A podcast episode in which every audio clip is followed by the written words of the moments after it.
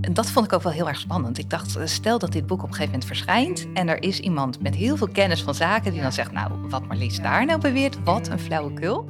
Welkom bij de Schrijfkast. De podcast voor iedereen die schrijft, wil schrijven of geïnteresseerd is in schrijven. In de Schrijfkast ga ik, Milo van Beek, auteur en schrijfcoach, in gesprek met inspirerende mensen uit het schrijfvak. In deze laatste aflevering voor de zomerstop praat ik met Marlies Medema, auteur van twee succesvolle historische romans. Marlies vertelt hoe ze de vrouwelijke hoofdpersonen op het spoor kwam en wat haar zo in hen intrigeerde. Ook bespreken we waar en op welke manier ze het historische onderzoek heeft gedaan, hoe ze een uitgever vond en waarom de feedback die ze van haar redacteur kreeg zo belangrijk was. En ik vraag of ze het succes van haar boeken kan verklaren. Veel luisterplezier. Hi Marlies. Hi. Welkom in uh, mijn podcast, de Schrijfkast. De eerste die ik thuis uh, opneem. Ik zal het even zoeken als je geen eigen studio hebt. Waar ga je hem opnemen? Dat was nu ook even zoeken. Voor de luisteraars het zou kunnen dat er wat straatgeluiden, hondengeluiden, tienergeluiden... Oh nee, tienergeluiden niet meer. Op de achtergrond te horen zijn. Maar dat komt dus omdat we vandaag bij mijn thuis zijn. Heel leuk dat je er bent. We gaan het hebben over uh, het schrijven van een historische roman. Heet het zo? Hoe historische roman? Uh, ja, historische, historische roman. Ja, historische fictie. Ja. Historische fictie, ja. Dat is ook, want het is natuurlijk non-fictie. Maar dan is historische ja, fictie. Ja, precies. Ja, ja, nee, maar ik heb er inderdaad natuurlijk wel. Uh, als op een gegeven moment de piketpaaltjes van de non-fictie staan, dan, uh, dan komt het stuk van de fictie. Ja, ja gaan we het allemaal zo over hebben. Uh, je schreef twee boeken, Papieren Paradijs en Lisbeth. Papieren Paradijs kwam uit in 2021 en Lisbeth nog niet zo heel lang geleden in april 2023. Ja. Ik was wel heel jaloers op jouw verkoopcijfers. Papieren Paradijs heeft vijf drukken, vertelde je. En ik, ja, was, ik zag, had laatst op Insta gezien dat Lisbeth de tweede druk had. Dus daar was ik al helemaal van, wow, tweede ja, druk. Maar toen wist ik nog niet dat Papieren Paradijs er al vijf uh, heeft. Dus dat is heel. Uh, nou, misschien gaan we ook zo nog over hebben of, of je denkt of je dat kan verklaren. Dat, uh, uh, hoe dat kan. Want ik heb er wel ja, ik, misschien wel een klein idee over. Want je hebt natuurlijk een vrij specifieke. Um, ja, ik wil niet zeggen specifieke groep die je aanspreekt, want misschien lezen mannen je boeken ook wel, maar je hebt wel twee boeken in een, met een duidelijke signatuur in de zin dat het gaat over vrouwen mm -hmm. in een tijd waarin vrouwen nog niet zo heel erg op de voorgrond. Nee, nee nog wat minder privileges hadden. Ja, Precies, klopt. dus dat is heel bijzonder, denk ik al, uh, waarmee je een bepaalde doelgroep, denk ik, uh, aanspreekt. Maar um, nou, misschien heb je daar zelf nog uh, andere ideeën over. Gaan we het zo allemaal over hebben. Um, ik vind het wel uh, toch aardig om even een beetje bij het begin te beginnen. Want je hebt ook gewoon een baan, wil ik zeggen, alsof schrijven niet gewoon een baan is. Maar je hebt een baan naast uh, het schrijven van boeken. Waarbij ik ook al zei, wow, dan heb je best snel een tweede boek gemaakt met een baan erbij binnen twee jaar. En historisch, waar je ook voor hebt moeten researchen. Maar je werkt bij de EO. Ja, klopt. Als contentmaker. Mm -hmm. Ja. uh, en op een gegeven moment uh, ben je dus een historisch boek gaan schrijven. Kun je daarmee beginnen om te vertellen hoe ja, dat is gegaan? Zeker. Ja, wat dat betreft heeft mijn uh, baan ook eigenlijk wel bijgedragen aan de komst van mijn eerste roman, Papieren mm -hmm. Paradijs. Ik, was, uh, ik werkte in die tijd als eindredacteur bij Eva, het vrouwenmagazine wat de EO uh, maakt. En ik ging samen met een, een collega, de hoofdredacteur, naar Suriname om te kijken of we daar iets, een, een, activiteit konden organiseren. En nou ja, dat, dat was een, een heel interessant uitstapje. En op een gegeven moment zaten we met de gids die ons ergens het oerwoud inbracht in de auto.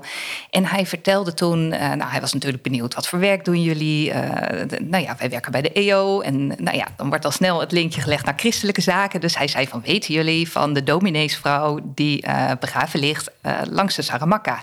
Ik dacht, nee, dat weet ik niet. Maar daar ben ik natuurlijk wel heel benieuwd naar. En Saramaka is een rivier? Dat is een rivier, ja? inderdaad. Ja, ja, ja hele grote bereden, bruine rivier. Mm -hmm. En um, vervolgens vertelde hij het verhaal uh, van de Boeroes, waar ik wel vaag iets van gehoord had, maar ik wist ook niet helemaal hoe dat nou zat.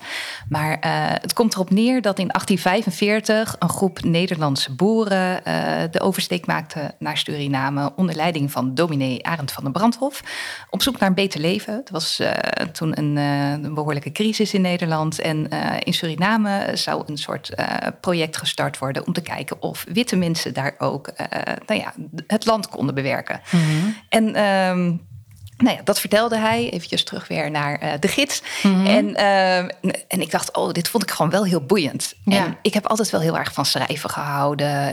Uh, ik, ik, schreef in het uh, magazine ook columns. Mhm. Ik heb journalistiek gestudeerd. Mhm. Allemaal, nou ja, vormen van schrijven waar ik heel veel plezier in heb.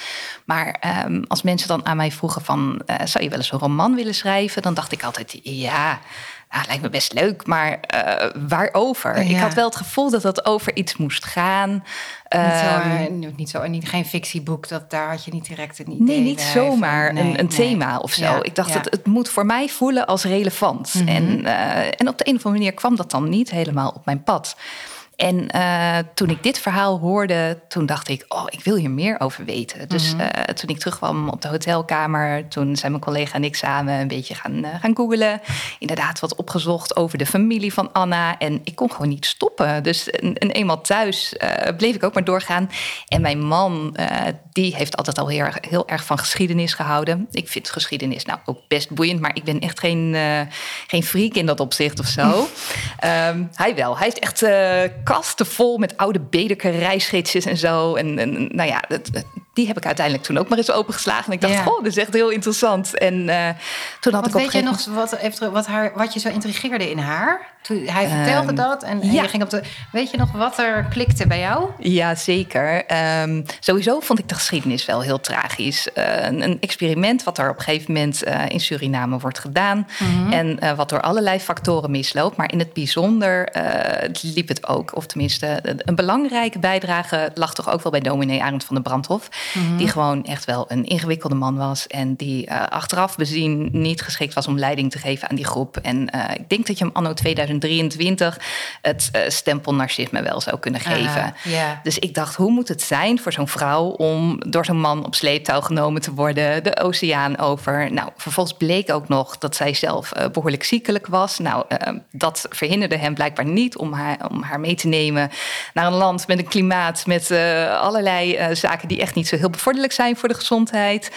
Ehm, dus die vraag, hoe moet het zijn om met zo'n man getrouwd te zijn en inderdaad dan je dood tegemoet te reizen, dat intrigeerde mij Ja, enorm. en want jij je had niet de behoefte om je verder in, ja, wel in hem te verdiepen, maar dan wel via haar. Dat wist jij dat, dat zij het Ja, personage moest zijn. Nou, het lastige natuurlijk met vrouwen in de historie is dat je uiteindelijk ehm, je wil wat weten over de vrouwen, maar dat moet eigenlijk via hem. Want Ja, eh, ja. van de vrouwen is veel minder bewaard gebleven. Mhm. Van Anna zijn er twee of drie brieven bewaard gebleven, die over het algemeen vrij praktisch van aard zijn. Dus ik kon eigenlijk niet zo heel veel meer vinden dan dat ik dacht: oh, ze heeft een stevig handschrift. Mhm. Ze spreekt zich ook wel nadrukkelijk uit. Dus het moet, eh, nou, eh, misschien dat, dat ze fysiek niet zo sterk was. Maar ehm, het, ja, qua eh, persoonlijkheid verwacht ik wel dat ze redelijk sterk was. Mhm. Maar de overige informatie, daarvoor moest ik echt eh, naar Arend. En Arend eh, hield er gelukkig van om, nou ja, ervoor te zorgen, die, die, documenteerde alles echt uitstekend. Mhm. En, dus dat gaf heel veel inzichten. ja, en maar je wist wel, ik ga het niet over hem schrijven. Hij is de fantastische antagonist natuurlijk. Ja, maar Ja. Het, het- ik dacht Het wel, het moet over haar Moet- gaan. ja. ja. En ook had je specifiek nog iets met dat je graag een vrouwelijke hoofdpersoon sowieso? Of kwam dat echt pas toen je dat verhaal hoorde en haar hoorde dat je dacht, ja, ja, dat ging een beetje automatisch in mijn hoofd Ja. of zo. Dat, misschien ook wel omdat ik gewoon zelf vrouw ben. En dat je dan toch denkt van, hoe moet dat zijn, zeg Ja, maar. Als ik in die tijd geleefd had. ja en, dat eh, had ik dan. ja, en ik was inderdaad wel ook heel benieuwd naar haar achtergrond. En toen bleek daar uiteindelijk toch ook best wel aardig wat over te vinden te zijn. Zij was de dochter van een eh, rijke papierfabrikant eh, Mhm. In eh, Hilsum eh, op de Veluwe. Nou, het, het grappige is, daar is nog steeds een soort papiermuseumpje. En eh, dus ook over haar familie. Leuk. Ja, en- want hoe ben je dat? Nee, ja, je- op een gegeven moment dacht je dus van ja, dit is echt, dit is wat ik hier wil ik eigenlijk wel een boek over maken. ja. Had je dat? Wanneer kwam dat moment ongeveer? Al- Ben je eerst gaan researchen en toen dacht je dit wordt een boek? Of, of... Ehm, nou, het grappige was, mijn collega zei eigenlijk meteen: jij moet hier een boek over schrijven. Ja, en ehm, dat nou ja, dat, dat kan inderdaad. ja. En inderdaad, iemand kan zoiets dan nog wel zeggen. Dan kun je denken van nee. Maar ik dacht direct ja. Dus dat vond ik wel uh, heel uh, opvallend. En dat bleef gewoon, bleef gewoon maar door mijn hoofd heen uh, ruisen. En inderdaad, thuis had ik dat nog steeds. En er was geen moment dat ik, dat ik daar aan twijfelde of zo. Dus um, nou ja, en op een gegeven moment had ik zoveel informatie. En toen dacht ik, misschien wordt het nu eens tijd dat ik een uitgever ga contacten. Want ik had nog nooit een roman zelf, geschreven. Ja, man had dus heel veel historische kennis en veel historie in huis. Dus daar kon je al uh, mee aan de ja. slag. En je bent ja. toen, waar, waar, hoe heb je dat research toen nog meer aangepakt? Wat ben je allemaal gaan doen? Um, ja, inderdaad uh, we zijn samen naar het archief geweest. Uh, in Wijk bij Duurstede bleek behoorlijk ook nog wat te liggen. En het, het belangrijkste was het archief van de Universiteit van Leiden. Waar inderdaad gewoon een paar meter brieven van Arend liggen. En nou echt alle, maar ook dingen van de kinderen. Ze hadden wat bijzonder, want dan heel kinderen, even, Ik heb ook een historisch, maar totaal anders. Want dan ga je naar het Nationaal Archief en heb je nog een paar plekken. Maar als je dus zo'n boek wil schrijven over een heel uh, historisch figuur wat, wat verder geleden is, begin je dan op Google bewijs van om te kijken welke archieven je moet gaan raadplegen? Of waar vind je die? Ja. Weet je wat waar ligt? Ja, Google is inderdaad wel een heel aardig standpunt. En je hebt natuurlijk een aantal uh, van die uh, genealogische pagina's, mm -hmm. CBG, zeg ik dat goed mm -hmm. uit mijn hoofd. Um, dus daar kun je dan Delver natuurlijk, daar mm -hmm. vind je ook aardig wat terug. Um, maar goed, dan houdt het op een gegeven moment wel een beetje op. Ja. En dat is het moment waarop je denkt van oké, okay, uh, waar kan ik nu nog ja. meer vinden? Ja. Um, nou was er over de geschiedenis van de Boeroes al wel wat non-fictie geschreven. Mm -hmm. uh, Karin Sietalsing uh, heeft een mm -hmm. boek geschreven wat Boeroes heet. Mm -hmm. nou, dat is echt non-fictie. Um, er was iemand op gepromoveerd. Nou, die mensen heb ik wel gecontact van, goh, kunnen we eens praten? Ja. Um, en inderdaad, dan hoor, hoor, je ook wel tips van, nou, daar moet je zijn. En langzamerhand ga je steeds dieper ja. en uh, ja, wordt het steeds meer en meer. En eigenlijk kan je dan eindeloos bezig blijven. Ja, ja. Dat, daar komen we zo op. En, en, ja. Maar je bent dus naar heel veel archieven gegaan, daar uh, heel veel stukken kunnen inzien. Ja. Uh, dus jij noemde heel even Leiden. En wat noemde je nog meer? Uh, ja, in uh, Wijk bij Duurstede Wijk... ben ik geweest. Want ik wil, wil inderdaad een en ander weten over... Dat zijn gemeentearchieven bijvoorbeeld? Ja, dat zijn ja. gemeentelijke ja. archieven. En dat had dan weer te maken met uh, het feit dat de hele boerengemeenschap... vooral vanuit Elst vertrok. En dat zit een beetje in de buurt bij Wijk. Dus ja. ja. en ook daar... nou ja, er waren wel wat artikelen door lokale historici geschreven. Die zijn ook echt fantastisch. Als je daar contact mee oh. opneemt, dan zijn ze zo behulpzaam. Oh, die willen alles en, vertellen. Ja, ja, ja, echt heerlijk is dat. Ja. Oh. oh, dat is een goede tip meteen. En dan op een gegeven moment denk jij, nu heb ik heel veel. Nou, los van dat je nog heel lang door kan gaan, daar kom ik zo op. Maar dacht je dit, ik wil wel eens kijken of een uitgever hier interesse in heeft. Ja, ja. Dus, Hoe heb je dat aangepakt? Um, ik heb op een gegeven moment contact opgenomen met iemand die ad interim bij een uitgeverij werkte. En ik dacht, nou, misschien is zij een mooi startpunt. Mm -hmm. En uh, zij uh, hield zich vooral met non-fictie bezig. Dus toen zei ze, nou, dan is het misschien handig als jij nu even met Beppie gaat praten. Beppie is de acquirerend redacteur van uitgeverij Mozaïek. Mm -hmm. Dus uh, toen heb ik Beppie gebeld. En, gebeld um, ook, wauw. Ja, ik kreeg haar nummer door. Dus ja, dat, oh, ja, ja ik denk dat, dan, dan kun je bellen. Dus uh, ik, ik, volgens mij heb ik een heel stuk gerateld, zeg maar. Ik denk dat ja. heb je echt ook even met de telefoon een eindje bij de oor vandaan. Van, oh, wat heb ik nou? Um, maar ze zegt, nou, laten we maar gaan koffie drinken en uh, kijken wat er uitkomt. Maar ja, inderdaad, ze had wel eens wat, wat van mij gelezen. Maar uh, ze wist natuurlijk niet of ik een roman kon schrijven. Mm -hmm. Dus dat was ook echt wel even een soort proefproject voor haar. Dus ze en zei, zij nou, was enthousiast over het idee? Ja, ja. ja. ze vond het, in, uh, het idee inderdaad heel interessant. En vervolgens zei ze, nou, uh, ga maar eens uh, 10.000 woorden schrijven. En ze gaf me wel wat adviezen mee. mee. geschreven? Nee. Nee, nog helemaal niet. Ik had wel een document waarvan ik dacht, nou, dit zouden interessante personages kunnen zijn. Uh, deze gebeurtenissen uit de historie uh, zouden boeiend kunnen zijn. Maar ze gaf me wel een heel aantal handzame tips. Dus bijvoorbeeld, maak een tijdlijn uh, mm -hmm. waarin je alles opneemt. Van de, de belangrijke gebeurtenissen in Nederland tot de gebeurtenissen rondom de boeroes. Tot die hele kleine dingen van de geboorte van de kinderen van Anna en Arend. En nou ja, het moment van vertrek, et cetera. Hoe wist je, wist je wat je allemaal, inderdaad de grote dingen, maar de kleine dingen, hoe weet je Nou ja, dan inderdaad uh, kan je genealogisch best wel veel uh, terugvinden. Ja, en hoe weet je wat je moet kiezen? Of neem je dat, schrijf je dan gewoon Dat wist ik op? eerst nog niet. Ik zet gewoon alles in die tijdlijn. En geleidelijk aan ging ik inderdaad kiezen. En dan bleek soms dat in die tijdlijn bepaalde dingen ook wel heel mooi met elkaar matchten. Dus dat je denkt, oh, er wordt een baby geboren op het schip. En hoe zit dat? En mm -hmm. nou, wat ik heel interessant vond, dat kind werd naar Anna vernoemd. Er is geen kind naar Arend vernoemd, wat me ook weer niet zo heel erg verbaasde. Terwijl ze ook zonen dus, uh, hebben gekregen. Dat, oh nee, maar dit was een kind van, uh, van een van de boeroes, zeg maar. Oh. Ja, nee, zeker, er is ook een junior Arend ah, geboren. Okay. Ja. ja. Ja. Oké, okay, maar er werden dus andere kinderen naar haar vernoemd. Uh, ja, er is op het schip naar Suriname een van die boeren die heeft het uh, dochtertje naar haar vernoemd. Heel tragisch. Oh. Het kind is daarna ook overleden oh. tijdens uh, een epidemie. Maar hmm. ja, zoals dat toen. Zo ging dat. Ja. ja. Oké, okay, dus je bent die, maar, maar zij zei: ga maar 10.000 woorden schrijven en ga maar zo'n tijdlijn uh, maken. Dus dat ben je gaan doen. En op basis daarvan ging zij beslissen of ze het gingen uitgeven. Moet ik het zo? Uh, ja, vervolgens, uh, nou, ze gaf me nog wel een aantal adviezen hoor. Inderdaad, het, het, hele, nou ja, show don't tell gebeuren. -hmm. Ze zei ook steeds van: ik wil om me heen kunnen kijken, scène schrijven, dat -hmm. soort, gewoon ja. de basisregels eigenlijk van ja. roman schrijven. Ja. En uh, nou, toen ben ik aan de slag gegaan, waarin volgens mij ook echt nog wel wat moest gebeuren hoor, toen ik het aan haar voorlegde. Maar blijkbaar zag ze er wel voldoende in, dus ik kreeg nog wat adviezen. En toen begon het te rollen. Het ja. Schrijven. ja. En uh, ja, dan komen we eigenlijk vanzelf op. Ben jij toen ook blijven? Heb je het research en het schrijven, ben je dat toen gaan combineren? Of heb je gezorgd dat je je hele research klaar was voordat je echt ging schrijven? Nee, dat was ook wel een beetje een ongoing uh, uh, proces hoor. Um, de, de, belangrijkste dingen heb ik wel van tevoren uitgezocht. Mhm. Maar gaandeweg, ja, in, in, het geval van dit boek ga je dan terug naar de 19e eeuw. En ik wist gewoon heel veel basisdingen natuurlijk niet. Van Nee. oké, hoe zat het met de positie Ja. van de vrouw? En uh, wat voor gebruiksvoorwerpen waren er in die Mhm, tijd? ja. En uh, gewoon hele kleine dingen. Dus Ja. dat was wel iets waar ik voortdurend aan het googelen was. En dan Mhm. nog een keer googelen en check, check, check. En tijdens En- het schrijven deed je dat ook? Ja, Ja. ja.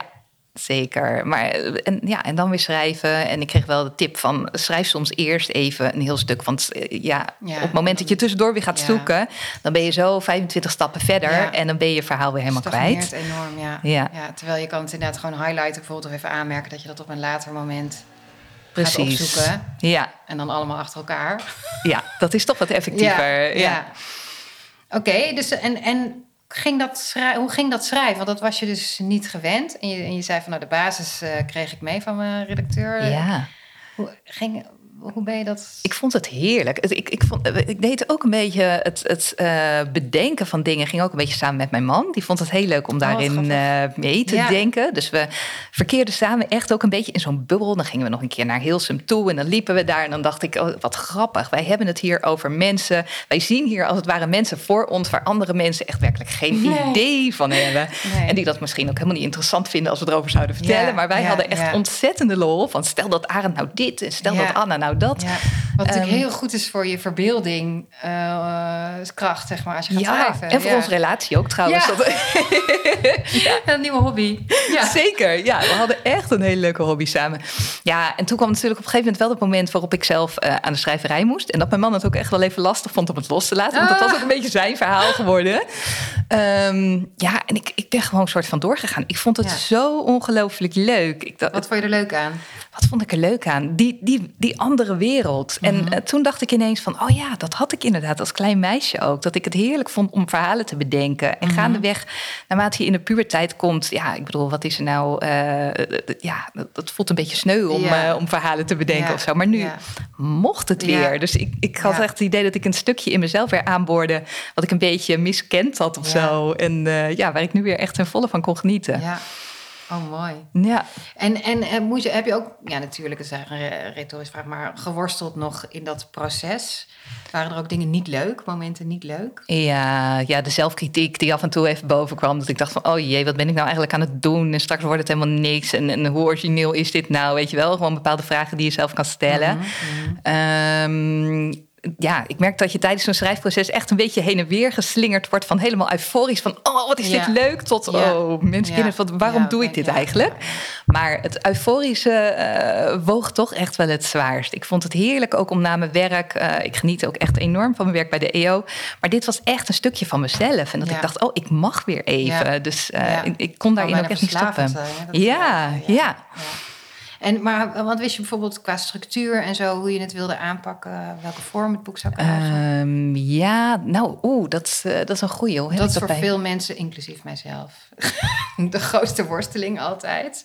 Ja. Hoe, geef je, hoe geef je een goede vorm aan? Uh, nou, en dat is met een historisch verhaal ja, best wel lastig, want je hebt op een gegeven moment het hele leven van ja. iemand in beeld. Dus, uh, en daar moet je iets uit gaan plukken. Mm -hmm. um, ik heb gewerkt vanuit het heden in eerste instantie en toen op een gegeven moment een aantal flashbacks gepakt. Mm -hmm. uh, waarbij, waarin je dus wel een gevoel kreeg. Volgens mij begin ik in 1842, waarop, waar Arends een plan opvat om naar Mhm. Suriname te gaan. En daar zijn ze het absoluut niet over eens. En dan gaat er op een gegeven moment gaat, gaan we terug in de tijd. En dan blijkt Suriname in haar jeugd toch ergens ook wel een beetje een rol gespeeld te hebben. En langzamerhand dan bouwen we die tijd weer op Mhm. met bepaalde sprongen. Um, maar inderdaad echt wel in de vorm van scènes. En dan ineens ben je in 1845 en dan, uh, dan moet het allemaal gaan gebeuren. Ja. Um, ik weet eigenlijk niet eens meer precies waarom of hoe. Volgens mij heeft Beppie me daar ook wel wat suggesties ja, ja, ja, bij gegeven. Ja, ja, het is altijd wel fijn als iemand daarop mee kan kijken. Ja. En hoe lang heb je erover gedaan, ongeveer?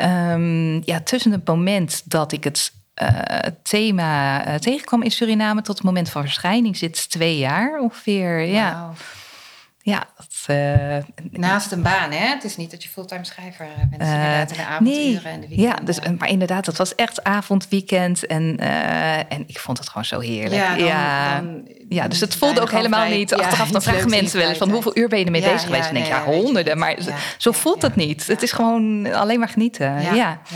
Voordat we naar je volgende boek gaan, um, was het in deze heb je nog moeite gehad met dat je dacht: oké, okay, nee, ik, weet, ik heb echt historisch alles goed genoeg gecheckt. Ik heb voldoende research gedaan. We hadden het al even over dat je soms, nee, dat research kun je maar mee doorgaan. En maar ja. niet aan het schrijven toekomen, waarbij ik ook wel zie dat het soms uitstel van. Ja, uitstel van het gaan schrijven, dat je daar op de een of andere Mhm. manier -hmm. daar niet aan wil. Dat je, en dat research is natuurlijk heel veilig. En bovendien, ja, je wil natuurlijk ook graag met zo'n historisch boek dat het allemaal klopt. En ja. dat je niks vergeten bent. En, uh, nou, absoluut. En, en, dat vond ik ook wel heel erg spannend. Ik dacht, eh, stel dat dit boek op een gegeven moment verschijnt. En er is iemand met heel veel kennis van zaken. die dan zegt, nou, wat Marlies Ja. daar nou beweert. Wat een flauwekul.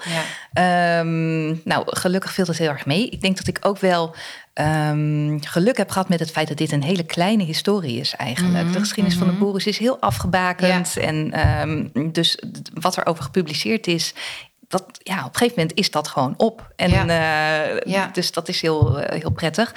Um, natuurlijk zijn er wel bepaalde kleine details. Volgens mij heb ik op een gegeven moment een keer iets van tomatensoep genoemd. En toen bleken de tomaten nog niet in Nederland Oh, ja. te zijn. Ik dus, heb dat met uh, paprika's in de Tweede Wereldoorlog gehad, volgens mij. Ja, die, bleken er toen ook niet te zijn. Ja, dat je denkt, oh shit, had ik, ja, dat, dat kan dus gebeuren. Ja. Nou daar is denk ik niemand heel erg over gevallen. Dat, uh, nee, nee, maar ik, ik vind dat dan zelf wel heel erg. Heb jij dat niet? Dat je dan denkt van, oh, dat had ik dus wel kunnen checken. Ja, Ja, ja vind ik- bij mij was het natuurlijk omdat die historisch zo precair is, was ik vooral heel bang dat ik historisch gezien toch iets over het hoofd had gezien met een overgrootvader die dingen had gedaan die ik wel had moeten melden. Dus dat ik te, eh, ja, nou ja, dat, dat gebeurt bij Oh. familiegeschiedenissen vaker. Zeker bij wat ik heb gedaan in NSB-geschiedenis, dat mensen dan toch ehm, te, ja, ik wil niet zeggen te voorzichtig is niet het goede woord. Maar dat ze nog een beetje, ja, dat ze toch dat er dingen over het hoofd worden gezien, ook binnen de familieverhalen, dat niet alles wordt eh, verteld. Dus daar ben ik Mm. heel bang voor geweest dat er toch mensen op zouden staan en zeggen van, hé, hey, maar jouw grootvader, overgrootvader heeft dit en dit en dit gedaan, en dat heb je niet gemeld. En dat ja. zo dat wist je dan niet. eh, dat komt dan ineens ja, en bovendrijven. Dat, dat ik dat wel ja. had kunnen vinden ergens, weet je wel. Dat. Maar ik heb het ook heel goed los kunnen laten, omdat ik wist, eh, je kan ook niet alles... eh, je kan niet alles researchen. Dat kan gewoon niet. Zeker niet bij een Nee. Tweede Wereldoorlog verhaal, maar... Maar zelfs misschien ook in een verhaal zoals jij, dus altijd nog weer meer te vertellen en meer te, te onderzoeken. En het is dan soms ook maar net welke afslag je neemt in een verhaal. Dus ik wist ook, je moet echt keuzes maken dan. En dan, ja. Ja, ja, je komt altijd weer andere interessante dingen Ja. tegen. Eh, ja. Ja. en dat heb ik met mijn tweede boek inderdaad meer gehad. Dat ik inderdaad dacht van, oh, dit is ook leuk en dat is ook leuk. En voor je het weet zit je vijf afslagen verderop. Ja, en dan moet je. Ben helemaal je niet gewoon zijn. een nieuw, nieuw boek begonnen. Ja. Maar dat had je bij deze dus minder. Ja. En nou ja, op een gegeven moment eh, is het dus echt een boek geworden. Je zei net nog even, als dit echt een boek wordt. Maar Ja. het werd echt een boek.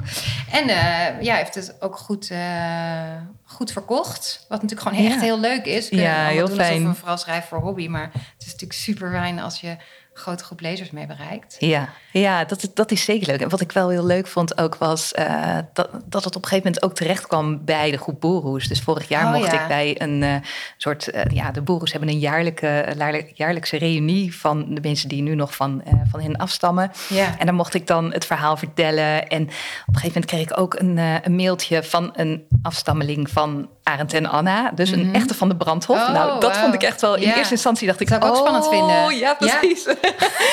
ja. Maar achteraf, uh, we hebben samen wat gedronken en het was zo leuk. Het, het, is ook de enige geweest die in het boek heeft lopen strepen. Dat hij oh, dacht ja. van, wat is waar en wat is niet waar. En, uh, ja. en dat snap ik inderdaad. Als het over jouw bedoovergrootouders gaat, dan, uh, ja, dan wil je dat natuurlijk weten. Ja. En, maar dus. die vond dus het eigenlijk heel leuk ook dat je dat had gedaan. Nou, het, het leuke was inderdaad dat hij ook zei uh, van... ja, ik wist niet dat het met mijn bedovergrootvader uh, zo ernstig was... maar gelukkig had ik wel een hele leuke bedovergrootmoeder. Ja, ja, ja. Nou, ja. eigenlijk weet ik natuurlijk helemaal niet hoe leuk Anna geweest nee. is... maar uh, ik, ik geloof wel, als je een kind naar Anna vernoemt, zeg maar... dan, dan moet toch op zijn minst wel een beetje een aanminnige vrouw geweest zijn. Ja. En denk jij dat het ook het zo goed heeft gedaan omdat het dus over een vrouw gaat? Dat we dat um, fijn dat vinden om die vrouwen weer... Uh, ja, dat zou zomaar kunnen inderdaad. Wat ze toen niet hadden. Dus ze een beetje uh, ja, op ja. podium te... Dat zou zomaar, ja, ik denk dat dat wel meegespeeld heeft. Plus het feit dat het een stukje geschiedenis is uh, waar nog niet eerder een roman ja. over geschreven was. Dat, daarmee heb ik gewoon ook heel erg geluk gehad dat ik daar tegenaan liep. Ja, ja. ja. En toen kwam er een tweede, of dat is er ondertussen. Maar uh, wie ja. wist jij na dit? Nou ja, je vond het zo leuk dat ik denk dat je al wel wist... ik wil nog een keer ja. zoiets maken. Ja. Wist je toen ook meteen, ik wil nog een keer over een vrouw schrijven? Of, of was het nog helemaal open voor je?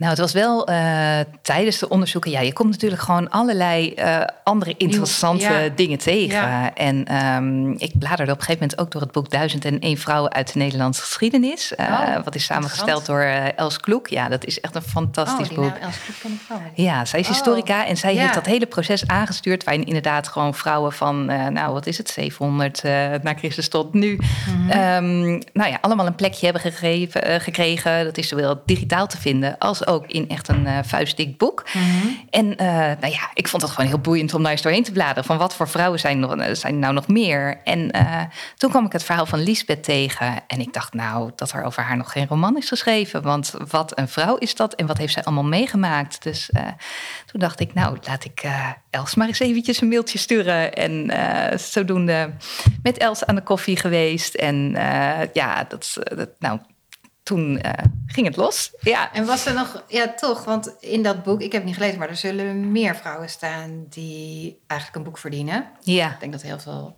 luisteraars straks het boek even door gaan Was er nog iets speciaals, behalve dat ze dus een, uh, ja, dat je geïntegreerd was door haar leven? Was er nog iets Um, het was denk ik de combinatie van haar karakter. Ze was heel uitgesproken. Um, zij wordt ook in één adem genoemd uh, in de 19e eeuwse historische documenten met uh, iemand als Kenau Simons dochter Hasselaar. -hmm. um, ja, wat gewoon vrij opvallend was, was dat zij zich ten opzichte van mannen gewoon vrij nadrukkelijk uitsprak. Ah ja. En ja. uh, daarnaast... Dus dat triggerde jou wel? Dat triggerde me wel. Ik ben totaal zelf niet zo. Dus uh, het was oh, wel ja, interessant nou, om in de huid te kruipen ja, van iemand die, juist, uh, die heel anders is. Ja. Maar, um, en ze leefde ook in een hele turbulente tijd. Um, het twaalfjarig bestand, dat is de tijd waarop de Spanjaarden en de Nederlanders... nou ja, even tijdens de 80-jarige oorlog 12 jaar vrede besloten te sluiten. Omdat het, de kas voor de oorlog was zo ongeveer op de bodem. En, nou ja, maar intussen hadden de protestanten daardoor gelegenheid om uh, even zelf te gaan nadenken over waar ze stonden. Mm -hmm. En als je daar maar diep genoeg over nadenkt, dan ontstaat er vanzelf weer een conflict. En in de periode van dat conflict, uh, ja, daar leefde Lisbeth. En dat conflict liep dwars door haar familie. En mm -hmm. dat was ook gewoon heel interessant. Uh, haar huis wordt op een gegeven moment geplunderd ook zelfs door een groep van de tegenpartij, de contra-remonstranten. Haar man was een remonstrantse voorman. Die twee groepen zijn het dus, de remonstranten en de contra-remonstranten. Mhm. Mm -hmm. En uh, haar broer was weer een contra-remonstrant. Dus die twee stonden ook weer lijnrecht tegenover heel elkaar. conflict in haar verhaal? Ja. Ja, zeker. Dus dat maakt het verhaal al direct dat je denkt: oké, eh, hier, hier kan ik wat mee. En eh, de historische documenten zijn ook meteen heel beeldend. Probeer je maar eens voor te stellen dat er gewoon honderd mannen op een gegeven moment voor jouw huis staan met fakkels. Uh, nou ja, eigenlijk lijkt dat dan ook wel weer op wat er nu soms in de politiek ja, gebeurt. Moet even ergens aan denken. Ja, ja, ja. maar inderdaad, ze gaan daadwerkelijk je huis binnen. nou ja, 5000 gulden schade, wat in die tijd echt in de. Nou ja, anno nu zou dat in de miljoenen zijn. Zij zelf kon amper ontkomen Ze is in een nachtponnetje over de schutting geklommen. En uh, nou ja, alleen dat beeld zag ik al voor me. en ik dacht, nou, uh, ja, dit, wordt een scène. Ja, ja. oh ja. Is dat ook iets wat je, wat je bent gaan leren toen je dit bent? Want, want uh, als ik schrijf, schrijf, schrijvers begeleid en ook met Jelte, mijn redacteur, dan de, proberen dus heel veel die beelden te vangen. Mm -hmm. Omdat dat die grote verhalen klein maakt. Dan, uh, dan kun je in een, als je, in zo'n, als je zo'n beeld voor je ziet, dan heb je inderdaad dat je denkt, oh ja, dat is een scène. En dat is waarschijnlijk iets wat je hebt ontwikkeld. Ja, ja dat is inderdaad tijdens het proces van Papieren Paradijs uh, met hulp van Beppie ja. uh, is dat echt al ontstaan. Ja. ja.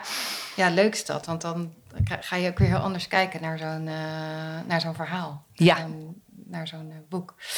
Um, maar toen ben je met haar koffie gaan drinken en uh, om meer te weten te komen, of ook om te checken van mag ik, uh, mag ik ja, dat gebruiken? Ja, ook een beetje mag ik inderdaad. Ja. En uh, nou ja, dat was voor haar ook wel even een soort van spannend, want ja, een historica, ja, die vindt het natuurlijk heel belangrijk dat die feiten kloppen. Ja. Dus ja. volgens mij zei Els het ook wel een beetje van, oh, dan als er een, een romancier met ja, mee aan de haal gaat, wat, wat wordt het dan? Maar um, ze was ook heel erg gunnend. Dus op een gegeven moment tijdens het gesprek toen, toen stond ze op en ze liep naar de kast en ze kwam met een heel pak papier. En ze zegt, ja, het zou toch eigenlijk zonde zijn als je helemaal vanaf nul zou beginnen met je onderzoek. Dus uh, nou, hier, neem dit maar mee. Dan, dan ben je een aardig eind op weg. En oh, wow. ja, dat was zo'n fantastisch gebaar. Dus ik zat echt in de trein met, met dat pak papier op schoot. En ik dacht van, wie hier aan durft te komen? Nou, zie, doe ik wat. En ja, dus ja, dat heeft me enorm geholpen. En dan zijn er natuurlijk nog altijd wel andere dingen die uitgezocht moesten worden. Want uh, Els heeft een, een, half jaar lang zich intensief met Lisbeth bezig gehouden. Maar nou ja, ik moest van alles weten over Lisbeths man en haar mm -hmm. broer. En mm -hmm. wie stond er aan het horen in de stad in die tijd. En überhaupt die hele 80-jarige ja. oorlog, ja. dat 12-jarige bestand. Ik kwam hier laatst met geschiedenis voorbij. Toen dacht ik, oh, ik weet er echt zo weinig van. Ja, ja nou ik ook. Wanneer ik dat gehad heb op school, maar... Ja, nee, precies. Ik dacht ook middelbare school. Joh, wat ja. heb ik ervan onthouden? Ja. En dus daar ben ik ook maar gewoon eerst mee begonnen. Ja. Gewoon echt van die dikke pillen lezen. Oh, uh, Willem van Oranje, weet ik wat. Ja. Dus, uh, en langzamerhand ontstaat er dan een beetje een wereld. En denk je, oké, okay, hier heeft ze in gewoond. Hier heeft ze in geleefd. En nou, toen kon ik geleidelijk meer naar de details toe gaan werken. Ja, en daar heb je dus ook weer veel research gedaan. Ja. Uh, en uh, ja, waarschijnlijk ook, heb je het als, snel aan je redacteur voorgelegd uh, van ik heb nog een idee, ik wil dit gaan, of heb je een tijdje? Ja, ja dat ging eigenlijk al direct okay. wel. ja, was... we hebben een heel leuk lijntje met elkaar, dus volgens mij was dat al ergens aan het eind van het proces van Papieren Paradijs. Oh, dat ja, ik, dat dat van, kunnen wij binnenkort gaan zitten? Ja, Want ik heb hier iets leuks. Dus, ja, en, zij, en zij was meteen enthousiast, denk ik. Dat, ja, ze vond het heel boeiend. Dus ze zei ook, dus wel goed dat ze me daarvoor waarschuwde, die 80-jarige oorlog en omstreken is gewoon een complexe tijd. Ja. Um, dus daar moet je inderdaad gewoon meer tijd in stoppen. Achteraf denk ik, oh, het was zo interessant. Want ook daar is de rol van vrouwen weer zo anders mm -hmm. dan die in de 19e eeuw. Mm -hmm. In de 19e eeuw was het natuurlijk heel uh, gebruikelijk dat de vrouw inderdaad, nou, achter het aanrecht. Maar het was eigenlijk ook een luxe als je niet hoefde te werken als vrouw. Dat was echt een voorrecht. Mm -hmm. En uh, in het geval van de 16e, uh, begin 17e eeuw was het heel normaal dat vrouwen werkten. Ook vrouwen die, uh, die geld hadden, die werkten gewoon mee in het bedrijf van hun man. En uh, zeker als, uh, als ze weduwe werden, dan bestierden ze gewoon dat hele bedrijf vaak. Dus, mm -hmm. dus ze waren wat dat betreft eigenlijk veel vergelijkbaarder met vrouwen van nu ja. ook weer. Dus dat ja. vond ik wel grappig, dat de historie wat dat betreft ja. ook wel een beetje in golven gaat. Ja. Ja. ja, en dat hoor je natuurlijk vaak, maar als je er zelf in gaat duiken en je komt het dan tegen. Ja, ja ik vond dat echt heel boeiend. Ja. ja. En hoe doe je dat dan helemaal als het dus een veel grotere, complexere geschiedenis eigenlijk is? Hoe verwerk je dat dan dat dat. Nou ja, daar wil je, ja, daar kun je natuurlijk ook overcompleet in zijn, bij wijze van, maar dan schrijf je een soort geschiedenisboek. Terwijl je wilde wel weer een roman schrijven. Nou, dat is echt wel een zoektocht geweest hoor. Van uh, hoe zorg je dat je niet te veel geeft en ook weer niet te weinig. Um, en inderdaad, hoe verwerk je dat uh? Nou, de, de, uh, de moord of het proces rondom Johan van Oldenbarneveld speelde in die mhm. tijd ook een mhm. rol. Nou, was, dat was een goede bekende van hun, dus dat moest wel in verwerkt worden, vond ik. Maar ook weer niet te nadrukkelijk, want het is eigenlijk een beetje een zijpad. Dus mhm. inderdaad, dan werd dat terloops weer eventjes genoemd. En of de, een van de kinderen stelde een vraag en dan dacht ik, oké, en nu gauw weer door. Maar, maar inderdaad, zoals ik eerder ook al zei, ik ben op een gegeven moment ook echt even een verkeerde weg ingeslagen, waardoor ik... Hoe kwam je daarachter? Kwam je er zelf achter? Of, uh, um, ik voelde het ergens wel. Dat ik dacht van, oh jongens, ik, ik, ik, kom niet zo goed verder. Mm dat, daar liep ik weer aan eigenlijk tegen het feit dat ik een heel vrouwenleven pakte. Mhm. Ehm, en ik had een stuk van haar jeugd wat ongelooflijk interessant was. En toen moest ik op een gegeven moment door naar, nou echt, dat, uh, dat hoogtepunt van de bestandstwisten. Mhm. En dat bleef maar kabbelen. En, mhm.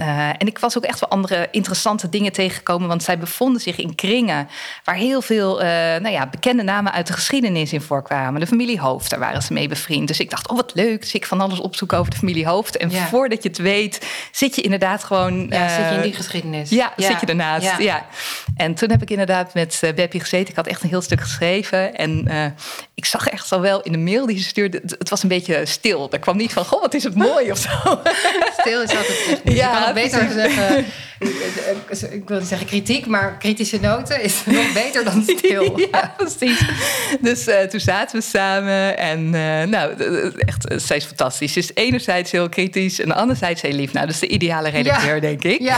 Dus, maar toen kwam het inderdaad van de buiten van, joh, die, deze pagina's die je hebt geschreven, dat, ja, daar zit je gewoon echt op de verkeerde afslag. Nou, toen heb ik wel even een traantje weggepinkt. Ja, Want ja, je hebt er zoveel liefde en, en tijd in gestopt. Hoeveel pagina's hebben we het dan over? Oh, oh, was het? Ja, ik denk wel een stuk of dertig of zo hoor. Ja. Maar uh, het grappige is, als ik er nu op terugkijk, dan waren ze toch wel bruikbaar. Want je komt op een gegeven moment, uh, je verdiept je wel in bepaalde materie die je later misschien in een andere scène weer kan gebruiken. Ja. Dus uh, ja, en toen ik inderdaad eenmaal weer helemaal terugging, ja, toen, uh, toen ging het ook eigenlijk heel snel. En toen kon ik heel, heel snel door. Mm. En, uh, ja, dus achteraf gewoon heel blij en dankbaar voor. Ja, feedback is zo belangrijk. Ja, ja. ja, in je eentje dit zitten doen is eigenlijk een onmogelijke. Ja, nee, dat moet je echt niet willen. Nee, nee. En wilde je ook nog iets anders met dit boek dan bij je voor? Had je jezelf nog iets voorgenomen van ik wil uh, bij dit boek qua schrijven, schrijfstijl, vorm of ik wil nog iets anders doen dan in mijn vorige ehm, boek? Mm, goeie. Weet je dat ik daar niet eens zo heel nadrukkelijk over heb nagedacht? Van, oh, ik heb er een bepaalde missie mee of zo. Of uh, wel dat ik dacht van, ik vind het belangrijk dat er uh, het leven van deze vrouw voor het voetlicht wordt gebracht. Het is een mhm. heel boeiend vrouwenleven. Er is heel veel over bekend. En die geschiedenis is zo uh, veelzijdig dat ik daar zelf eigenlijk niet eens zo heel veel aan hoef toe te voegen. Mm um, dus dat was wel een beetje mijn, mijn streven. Dat ik dacht van, hoe zet ik het gewoon zo puur mogelijk mogelijk neer. En ook hoe doe ik recht aan beide uh, partijen in dit conflict? Mm um, dan is het nog best wel lastig, want ik ben in de huid van Lisbeth gekropen. Nou, Lisbeth koos natuurlijk een bepaalde kant. Mhm. Dus um, je, hebt, je loopt dan al snel het risico dat je de kant van de remonstranten kiest. Mm uh, maar ik dacht er wel steeds over na van, oké, wat is die andere kant? En uh, ja, hoe zorg ik dat dat in balans is? Want ja, waar twee ruzie hebben, twee schuld. Dat is ook ja, ja, echt het geval. Ja, dat is wel mooi. En dan kunnen lezers zelf uh, conclusies trekken, zeg maar, als ze zouden willen. Van, ja, ja, zeker. En dan zitten er echt wel wat, uh, wat boeiende personages in hoor. Bijvoorbeeld de uh, burgemeester van Amsterdam, die destijds, nou, destijds was Amsterdam contra-remonstrant. Je kan het je nu bij Amsterdam niet goed voorstellen, maar het was echt streng Calvinistisch. Ja. En deze burgemeester, ja, daar heeft een artikel over hem in de NRC gestaan, laatst naar aanleiding van een boek, dat hij Reinier Pauw was een beetje vergelijkbaar met een soort Donald Trump. Dus, mm -hmm. nou ja, weet je dan heb je wel meteen een soort beeld. Dus dat was niet, uh, ja, daar hoefde ik zelf eigenlijk heel weinig aan te doen al. Mhm. Ja. En heb jij nog, want dat bedenken we nu ook, ik kan me voorstellen dat jij zelf gelovig bent. Ja. Omdat je bij de EO werkt, dat natuurlijk hoeft misschien niet. Ik weet niet of iedereen die bij de EO werkt gelovig ja, is. nee, niet iedereen, maar inderdaad, uh, de, meeste zijn er wel mee bekend. Ja. ja. Uh, en in je twee boeken, nou was het geloof natuurlijk in die tijden ook veel meer aanwezig in de hele maatschappij. Maar heb je daar nog bewust ook een keuze voor gemaakt om uh, die, in die verhalen, ook in dat decor neer te zetten of om religie daar een rol in te laten spelen? Ja, het grappige is, nou, misschien dat het wel een soort van uh, een, een, logische weg voor me was of zo. Mhm. Maar het is ook weer niet een heel bewuste keuze geweest. Ik denk als ik een ander verhaal tegen was gekomen, wat mij uh, net zo had aangesproken, mhm. dan had ik dat ook kunnen doen. En uh, ik ben nu bezig met een derde boek, de mhm. research daarvoor. En dat staat echt volledig los van religie. Ah, dus ja. Ja. ja. en dat, daar heb ik even veel plezier in. Ja. ja. Hey, en um, ja, nee, even je derde, nu maak je zelf een bruggetje naar je derde boek. Ik heb nog één andere vraag, maar dat komt zo wel. Wat, wat uh, wil je daar al iets over vertellen? grappig, um, ik moest echt twee... Ja, ik heb dan nu een ander boek, maar dat is weer dat is echt een ander ander boek. Maar ik, ik heb zo lang moeten herstellen van mijn boek. Ja, dat, dat snap ik ook. Ja, want personages gaan zo in je hart zitten. Ja, ja, ja. En ook wel, we maken misschien wel het onderwerp en de familie en zo. Dus dat, dat maar, helemaal, ja, dat, dat begrijp ik. ik vind het ook wel interessant dat je zo goed weer, of zo makkelijk, niet makkelijk waarschijnlijk, maar weer aan een volgende, dat je hem kan afsluiten en aan een uh, volgende weer. Uh, ja, ik heb het ook een beetje vastgeweten. Misschien ook omdat ik inderdaad dacht van, oh, ik was ook echt een beetje bang om in een gat te vallen of zo. Dus ik had inderdaad al wel het een en ander verzameld. En uh, ja, het is weer een vrouw. Dus ja, dat, ja. en uh, ja, wat zal ik er verder over zeggen? Ja, waar speelt het ongeveer? In uh, 19e eeuw. Oh ja. Ja, en, ja. Uh, en, ik, ik en hoe heb je deze gevonden? Hoe kwam je uh, Ze staat ook weer in Duizend Nee Vrouwen. Nou, dat, er staan er nog heel veel in. Je hebt alweer koffie gedronken maar, uh, Ik heb, nou, Els was bij de boekpresentatie van Lisbeth. Oh. Dus toen hebben we elkaar daar ook even over gesproken. Ja. En ja. ja. nee, het is een ongelooflijk boeiend verhaal... Waar, wat inderdaad in het nieuws is geweest in Nederland... waar heel veel mensen over gepraat hebben. En voor de rest is het nog een beetje verrassing. Oh, spannend, spannend, spannend.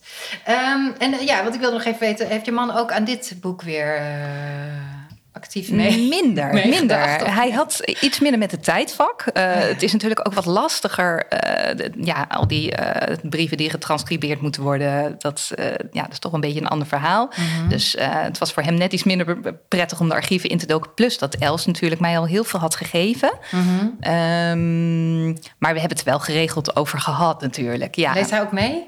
Met, of, of pas als het klaar is? Um, hij leest, uh, volgens mij heeft hij het nu pas gelezen. Oh, ja. ja. hij dacht, ach, dat, en dat is ook helemaal prima. Ja, we hebben het er vooral heel veel over gehad. Dus ik kan ja. me voorstellen dat het verhaal sowieso voor hem heel erg leeft. En uh, ja. ja. voor de kinderen zal het een beetje vermoeiend zijn geweest aan tafel. Het ging voortdurend daarover. Is dat bij jullie ook? Die dan, uh... nee. nee, maar bij mij zijn ze echt wel wat jonger. ja, ze zijn wat jonger. Ja. Ja, jouw kinderen konden dat uh, bij allebei de boeken denk ik al heel goed. Uh... Nee, ja, Heb je het gelezen? Uh, de oudste wel, die is 22. de jongste is 17. Die heeft het boek al heel lang naast haar bed liggen. maar ik ben benieuwd of ze het nog een keer gaat lezen. Allebei de boeken? Dat, um, of heeft de andere wel? Ja, even kijken. Bram heeft inderdaad beide boeken wel gelezen. Volgens mij heeft uh, Ritsk is nog niet eens aan Lisbeth nee, nee, nee, nee, hoor. Nee, nee. en een beetje ingewikkeld. Ook helemaal prima. Soort, je moet ja, er ook van nee, houden. En het is een specifiek genre. Dus ja, uh, ja nee, ik wil vooral niet dat mijn kinderen zich verplicht voelen om nee, uh, mijn boeken te lezen. Om, nee, als fans. Uh, nee, nee, nee. Um, wat zou je mensen adviseren die een historische roman willen schrijven? Um, Oeh, wat een goede vraag. Ja. Research um, hebben we het al een beetje over gehad. Maar... Ja, nou inderdaad, uh, waar we het net al even over hadden. Uh, als je een, een, een verhaal tegenkomt, uh, nou, bedenk inderdaad, vallen er mooie scènes van te maken. Mm -hmm. um, ja, en er zijn natuurlijk ook heel veel verschillende werkwijzen. We -hmm. zaten afgelopen weekend met een aantal schrijvers van historische romans bij elkaar. En um, ja, ik werk dan heel erg met allerlei mapjes. Ik vind mapjes echt uh, fantastisch. De, de, de, hele laptop staat vol met een mapje eten en drinken en een mapje met uh, oh, wow. wonen. Dan heb ik inderdaad uh, allemaal informatie over het huis.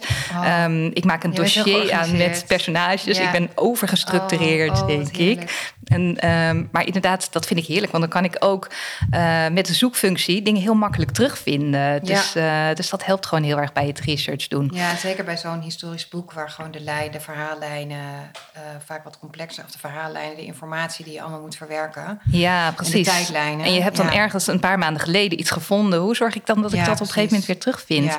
Maar uh, een van mijn collega-schrijvers die zei: Oh, ik werk heel anders. Ik uh, schrijf één keer in de maand. zij werkt ook daarnaast. Mm -hmm. dus dan werk ik twee dagen aan mijn boek. Mm -hmm. En van tevoren heb ik alles al in mijn hoofd. Nou, ik zat echt met open mond aan te kijken van... Wauw, hoe doe je dat? Nou, dat zou bij mij echt niet werken. Nee. Dus iedereen heeft daarin ook zijn eigen methodes. Ja, en dan moet je ook voor jezelf even uit gaan zoeken wat bij jou past. Ja, Wat bij jou een fijne... Ja, en het stukje, ehm, ik maak ook een document met de personages, eh, allemaal een, een stuk personages feitelijk. Mhm. Zodat ik echt gewoon eh, nog heel goed ke- kan nachecken van, eh, nou ja, hoe zit het ook weer met deze mensen? Wat, wat staat er echt vast over hen? En ik doe Mhm. eentje met personagefictie.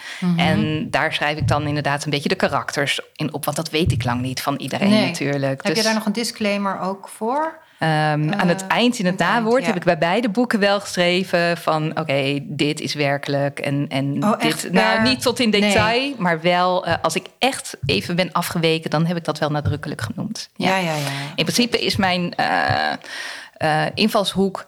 ehm, het had zo gebeurd kunnen zijn, zeg maar. ja, en, en, en eh, als dat op de een of andere manier... als mensen dan op een verkeerde tijd, op een verkeerde plaats zijn... Ja, dat, We noemden het van de week weer in eh zo'n terugkomdag van de masterclass... waarachtig schrijven in plaats van waar schrijven. Ja, oh mooi. Ja. Ja, ja, precies. Dat, Ja, want dat eh, is wat het is eh, natuurlijk. Ja. Dat, het, dat het misschien net even op een andere plek... of weet je wel, dat ze net iets anders zeggen... dan dat het in werkelijk zo gegaan is. Maakt niet zoveel uit als, het, als, als de bedoeling of de het idee erachter... of de... Ja, ja. En dan zit je soms nog wel eens voor bepaalde dilemma's Ja. hoor. Want inderdaad, eh, nou ja, bij eh, zowel Lisbeth als Papieren Paradijs had ik het geluk dat er gewoon al een eh, vervelende antagonist was. En dat er gewoon in de historische papieren stond dat dat geen leuke mannen kun je waren. uitleggen wat een antagonist is? Ja, dat is nou ja, de, de persoon die de hoofdpersoon tegenwerkt. Ja. En nou ja, dat uh, Arend was, eh, was automatisch kwam die er al in, zeg maar, Ja. als gewoon de vervelende tegenwerker van Ja, Anna. Die heb je nodig in elk verhaal. Die heb je in elk eh, verhaal in nodig. film ook, in Ja. Netflix-serie, ja. ja, en voor Reinier Pauw, de burgemeester meester van Amsterdam, gold ook. Dat was automatisch iemand die eh, kon tegenwerken. Ja. En nu bij mijn derde boek eh, is dat wat lastiger. Want er zijn over een paar mensen gewoon eh, wat minder dingen bekend. En dan kom je met ethische vragen te zitten. Van oké, ik heb nu een persoon. Daar hangt iets omheen. Ja. Volgens mij is niet helemaal kosher. Maar wat kan ik wel en niet doen? Ja. Ik kan hem inderdaad een niet zo lekker karakter geven. Maar kun je iemand ook echt eh, de- nou ja, een, een actie laten verrichten Die, eh, die strafbaar is? Nou, dat zijn echt wel eh, vragen waar ik soms een beetje Zou je nog behoefte peinzen hebben ben. om jezelf er wat vrijheid in te kunnen geven tijdens het schrijven? Ehm, ja, ja, die behoefte is daar wel. En tegelijkertijd heb ik ook heel sterk de behoefte om dat goed te doen. Dus dat Ja, is echt ja. een enorm Ja, spanningsveld. dat is met dit genre. Ja. Ja. Eh, ehm, ja, waar wij waren bij de tips. Ik zit even te denken, we weken even af met de antagonist. Wat, wat de tip daarbij was van jou. Eh, het ging over het invullen en de vrijheid die je daarbij hebt. Ja, wat zei ik ook weer? Week af van de, maakt niet uit. Eh, Ja. Je hebt in ieder geval twee tips genoemd. Ja. Ehm, is dat het belangrijkste, denk je? Wat je ehm, Ehm, ja, wat, wat kan ik nog meer over historisch? ehm, even kijken, inderdaad, mapjes. ja, veel vastleggen. wat moet je doen als je niet kan stoppen met researchen? Ja, dat is een goede inderdaad. Ja, ja, wat moet je dan doen? Moet je zelf Oh. dan ook op een gegeven moment ook echt dwingen? Of Jezelf zo? deadlines geven. Ik Ja. heb nu eh, voor mijn volgende roman inderdaad maar vast een mailtje gestuurd naar mijn redacteur. Kunnen we dan en dan gaan zitten? Want dan wil ik, het, eh, wil ik graag de opzet met je doorspreken. En dan weet ik gewoon, ja, dan moet ik echt even stoppen met researchen. Want er moet er gewoon een verhaallijn staan. Ja, ja. Ja. Ehm, nou, heb je, ja, en heb je al een idee van, van je? Is twee jaar voor jou een soort? Ja, en zo'n harde die- deadline wil ik mezelf dan ook weer niet geven. Want ik wil wel dat het leuk blijft. ja, Ehm, ja. En ja, voor hetzelfde geld breek ik tussendoor mijn arm, weet je wel? Dat, Ja. eh, het leven loopt eh, niet altijd zoals je het verwacht. Dus ehm, als alles mee zit en ik blijf in dezelfde flow... dan zou het best eens kunnen dat het er over twee jaar is. En zo niet, dan... Dan, eh, ja, dan gaan we het zien. 2,5 of Ja, drie jaar. tien, wie zal het zeggen? Ja. Nou, mooi. Hebben we nog iets niet besproken wat je wil Eh, delen? Nou, ik vond het een heel leuk gesprek. Ja, ik ook. Heel leerzaam ook. Ik krijg, ik krijg ook weer helemaal... Ik heb zelf wel een beetje behoefte om... eh, maar, maar ik ben sowieso wat afgeweken. Ik heb veel ingevuld bij mijn, eh, bij mijn boek. Maar nog steeds denk ik wel... Ik, ik, om, dat is ook journalistieke achtergrond, denk ik... dat je heel erg behoefte hebt om wel over iets waar gebeurt of zo. Ik heb Mhm. geen enkele fictiebehoefte. Dat vragen mensen wel eens. Maar ik zou wel de stramine wat losser willen hebben of zo. Dat het toch gebaseerd is op historische feiten... maar dat je daar binnen heel veel inkleurt. Dat, Ja. eh, Ja, en soms Ja. komen dingen gewoon bijzonder ongelegen. Dat je inderdaad denkt Ja. van, oh, maar als dit nou net een Ja, jaar het- eerder was precies. gebeurd, dan was dat heel fijn geweest voor Ja. mijn boek. En nu is dat niet Ja. zo. Wat moet ja, ik want nou? je moet de boel toch aan elkaar knopen op een bepaalde manier. Je moet er toch een logisch verhaal van maken. En Ja. ja, en je Ja. wil werken eh, naar een bepaalde climax. Nou, Ja. eh, in het geval van Lisbeth geldt dat ze meerdere kinderen heeft verloren. Maar je kunt echt niet voortdurend al die overleden kinderen voorbij laten komen. dus dat, ja, het kan, dan heb je een ander boek, denk ik. ik denk het ook. Ik denk dat mensen het op een gegeven moment dan toch weg gaan leggen. Ja, ja. ja, precies. Ja, dus dat, dus ik, maar, maar eh, dus ik vind het nog wel interessant. ehm, maar je hebt dus niet de behoefte om daar veel meer vrijheid in te gaan nemen. Maar misschien wel.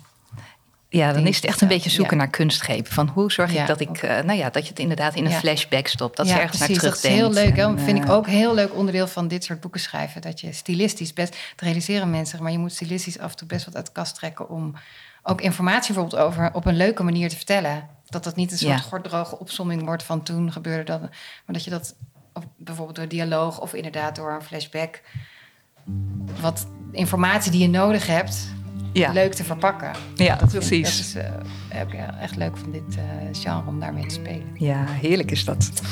Oké, nou, hartstikke bedankt. We gaan allemaal eh, je boeken lezen. Ik zet ze in, eh, in de show notes. Nou, superleuk. Dank. Leuk dat je luisterde naar de Schrijfkast. Dit was de laatste aflevering voor de zomer. In september ben ik weer terug. Als je dit een leuke podcast vindt, dan helpt het me als je er iets over deelt op social media of een review achterlaat op Spotify of Apple.